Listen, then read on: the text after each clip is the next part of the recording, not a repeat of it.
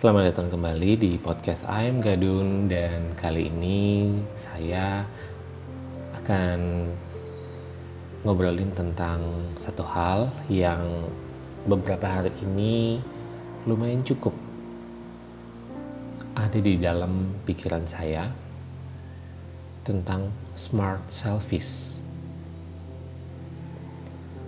Ini sebenarnya berawal dari karena kelamaan di rumah. Saya akhirnya memutuskan kembali menonton TV. Biasanya TV ini udah jarang banget untuk dinyalain kan semakin banyaknya video on demand yang ditawarkan kita benar-benar mau nonton apa yang kita mau apakah itu mau lewat mobile phone, lewat handphone, atau mau lewat tablet, lewat uh, laptop, bahkan bisa di TV juga. Tapi channel-channel yang ada di TV ini sudah jarang banget untuk ditonton dan akhirnya saya kembali untuk menonton channel-channel yang ada di TV. Walaupun kalau misalnya channelnya tidak menarik buat saya, ya saya skip, saya ganti gitu. Nah, satu waktu saya ketemu dengan salah satu channel waktu itu ada di Fox dan lagi ada satu program kayak reality show itu namanya The Titan Games. Ini kayak permainan. Jadi mereka itu adu kekuatan, adu kelincahan, adu kecekatan gitu. Tapi yang saya belajar dari The Titan Games ini ada satu soal tentang keseimbangan hidup. Kenapa saya bilang ada keseimbangan hidup? Karena di The Titan Games ini gak cuma hanya sekedar kuat yang bisa menang, gak hanya cuma yang sekedar lincah yang bisa menang, yang gak hanya yang sekedar cekatan aja yang bisa menang, tapi juga harus ada yang namanya keseimbangan, harus balancing semuanya ini. Dia harus kuat, di satu sisi dia juga harus lincah, di sisi lain dia harus cekatan, dan dia juga harus bisa mengontrol dirinya sendiri apalagi dia bertanding di dalam tekanan. Tekanannya banyak banget. Apakah tekanan lawan di sampingnya tekanan para penonton yang begitu ribut tekanan dengan suara musiknya tekanan suara hostnya dan juga tekanan hadiah yang begitu besar. Kalau dia tidak bisa menyimbangkan semuanya pasti nggak akan bisa menang di The Titan Games ini gitu buat yang pernah nonton pasti tahu gimana serunya The Titan Games ini gitu loh. Di situ saya belajar bahkan kalau kita tidak seimbang kesuksesan itu kita tidak akan bisa memiliki sepenuhnya. Dalam artian kita tidak akan memiliki kepenuhan. Tidak ada rasa penuh di dalam gitu. Karena tidak tidak uh, seimbang. Begitu kita tidak memiliki rasa kepenuhan, kita tidak mungkin akan merasa makmur karena tidak merasa cukup. Dan berakhir kembali lagi, kesuksesan ini bisa dirasa tidak ada artinya apa-apa. Karena tidak seimbang gitu sebenarnya ini reality show biasa tapi nggak tahu kenapa tiba-tiba saya bisa melihat ada sisi lain dari reality show ini yang mengajarkan saya tentang semua orang itu harus punya yang namanya smart selfies. Dia bisa egois, cuma egois pada tempatnya.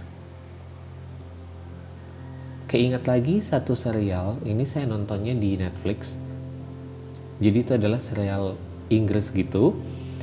Judulnya Black Mirror. Nah, Black Mirror ini serial yang setiap episodenya itu beda-beda, beda cerita, beda pemain, beda kasus gitu. Tidak tidak berkesinambungan antara satu episode dan episode lainnya, tapi punya benang merahnya kehidupan-kehidupan yang menceritakan tentang gimana teknologi kadang bisa mengontrol kehidupan manusia dalam kemasan yang uh, berbeda-beda.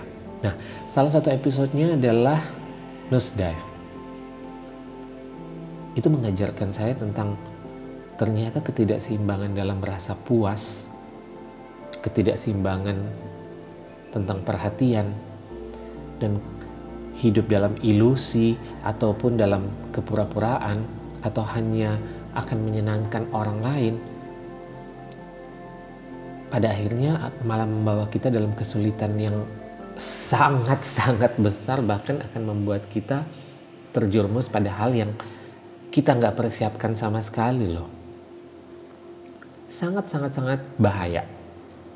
Kalau kita nggak punya yang namanya pengendalian diri kita nggak punya yang namanya keseimbangan kita nggak bisa menerapkan apa yang namanya smart selfie study gitu loh. Kita terlalu membiarkan orang lain lingkungan atau apa pun yang mengontrol kehidupan kita. Sampai akhirnya kita sendiri nggak punya kontrol untuk diri kita sendiri. Ternyata bahaya banget gitu loh nah dari hal ini saya belajar tentang yang namanya tentang kesadaran penuh. Belajar untuk benar-benar sadar gitu loh. Ya kalau misalnya belajar lebih dalam memang memang susah ya tapi saya belajar dari hal-hal yang kecil-kecil dulu. Yang memang saya mampu ya saya pelajari. Saya tidak mau memaksakan diri saya untuk memaksakan sesuatu yang besar hanya karena terkesan oh ini harus saya kuasai. Buat saya pribadi saya lebih baik belajarnya sedikit demi sedikit tapi memang benar-benar saya pahami. Saya belajar tentang kesadaran penuh ini bagaimana kalau misalnya saya merasa senang ya saya akan ngaku ke diri saya sendiri oh iya saya lagi senang. Waktu saya lagi sedih ya saya juga akan mengaku sama diri saya sendiri bahwa saya lagi sedih gitu jadi nggak akan nggak akan berpura-pura bilang selalu baik kalau misalnya ada teman yang nanya apa kabarnya gitu dan saya akan selalu bilang oh baik baik saya mulai belajar untuk mengaku apa adanya. Kalau memang lagi baik bilang baik, kalau lagi happy dia bilang happy, kalau lagi seneng bilang seneng, kalau lagi nggak terlalu seneng ya ngomong aja apa adanya gitu. Dan hal ini cara belajarnya dengan saya mulai belajar untuk melihat dengan benar-benar melihat. Dalam artian melihat bukan hanya sekedar melihat tapi melihat dengan benar-benar melihat. Atau kalau mendengar sesuatu benar-benar mendengar gitu. Nah, melihat dari perspektif yang lain misalnya, waktu saya habis latihan yoga biasa ada satu uh, sesi saya akan relaksasi, hanya tiduran seperti itu. Biasanya sambil menutup mata. Belakangan ini karena cuacanya juga tidak terlalu panas, tidak terlalu silau, dan kebetulan saya yoga di bawah pohon-pohon saya memilih relaksasinya sambil buka mata tidur sambil tiduran kayak gitu tuh saya bisa lihat tuh oh ternyata pohon yang posisinya ada di atas saya nih karena saya melihat dari sudut pandang lain karena saya melihatnya saya lagi tiduran kan itu ternyata punya keindahan yang berbeda loh dengan pohon yang saya lihat waktu saya berdiri atau duduk atau dari jarak yang lebih jauh gitu. Ternyata perspektif kita melihat atau mendengar atau merasakan itu bisa memberikan arti yang berbeda-beda loh. Nah, dari situ saya semakin mempertajam belajar tentang apa yang namanya smart selfies terutama di saat pandemik seperti ini gitu. Ada banyak waktu saya bisa merenungkan mempelajari apakah itu lewat buku apakah itu lewat video-video yang banyak di YouTube ada juga dari podcast beberapa orang lain juga. Saya belajar tentang smart selfies ini. Ternyata sangat-sangat penting. Kalau selfies aja itu artinya kita hanya sekedar egois. Tapi kalau ada tambahan di depan smart selfish kita menjadi sosok yang seimbang. Kalau dipikir-pikir ya benar juga loh memang rasanya semakin berumur semakin sedikit teman yang di sekitar kita ini gitu ya. Tapi begitu saya pahami lagi bukan temennya yang berkurang. Bukan temennya yang semakin sedikit. Tapi pada kenyataannya semakin berkualitaslah teman-teman yang ada di dalam lingkungan hidup kita ini. Saya bisa bilang ini seleksi alam ya hanya yang sejalan dengan kita yang sepikiran dengan kita yang bisa saling support dengan kita, yang akan memberikan dampak positif pada diri kita, itu pasti akan bertahan. Selebihnya, mereka akan mencari orang-orang yang gelombangnya sama dengan mereka. Jadi mulai sekarang itu saya suka mengambil waktu untuk diri sendiri untuk mulai belajar menghargai apa yang saya punya. Bukan berarti akan menjadi orang yang lebih introvert, lebih selfish lagi, enggak. Tapi justru dengan metode saya belajar tentang smart selfish ini, saya malah merasa diri saya lebih terbuka untuk orang lain. Terbuka dalam tanda kutip.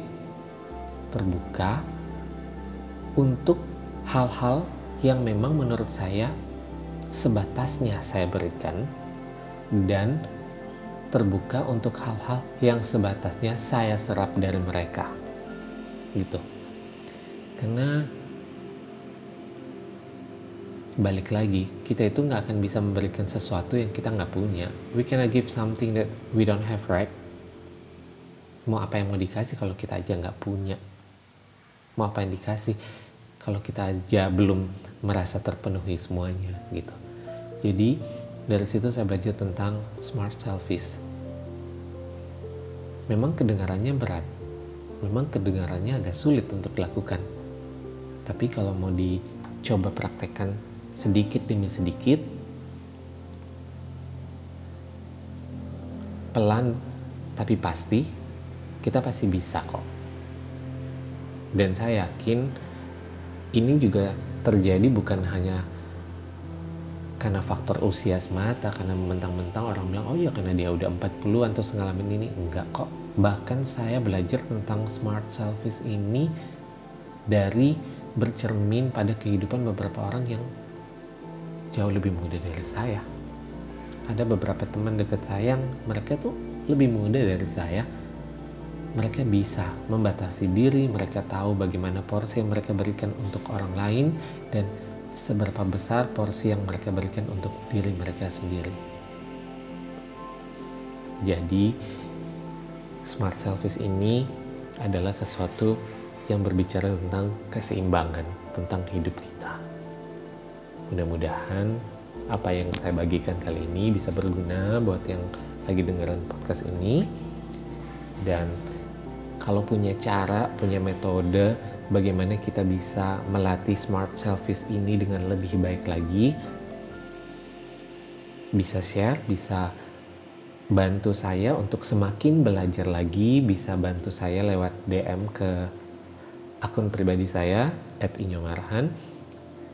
Dan kita bisa saling tukar pikiran untuk ke depannya kita menjadi pribadi-pribadi yang lebih baik lagi.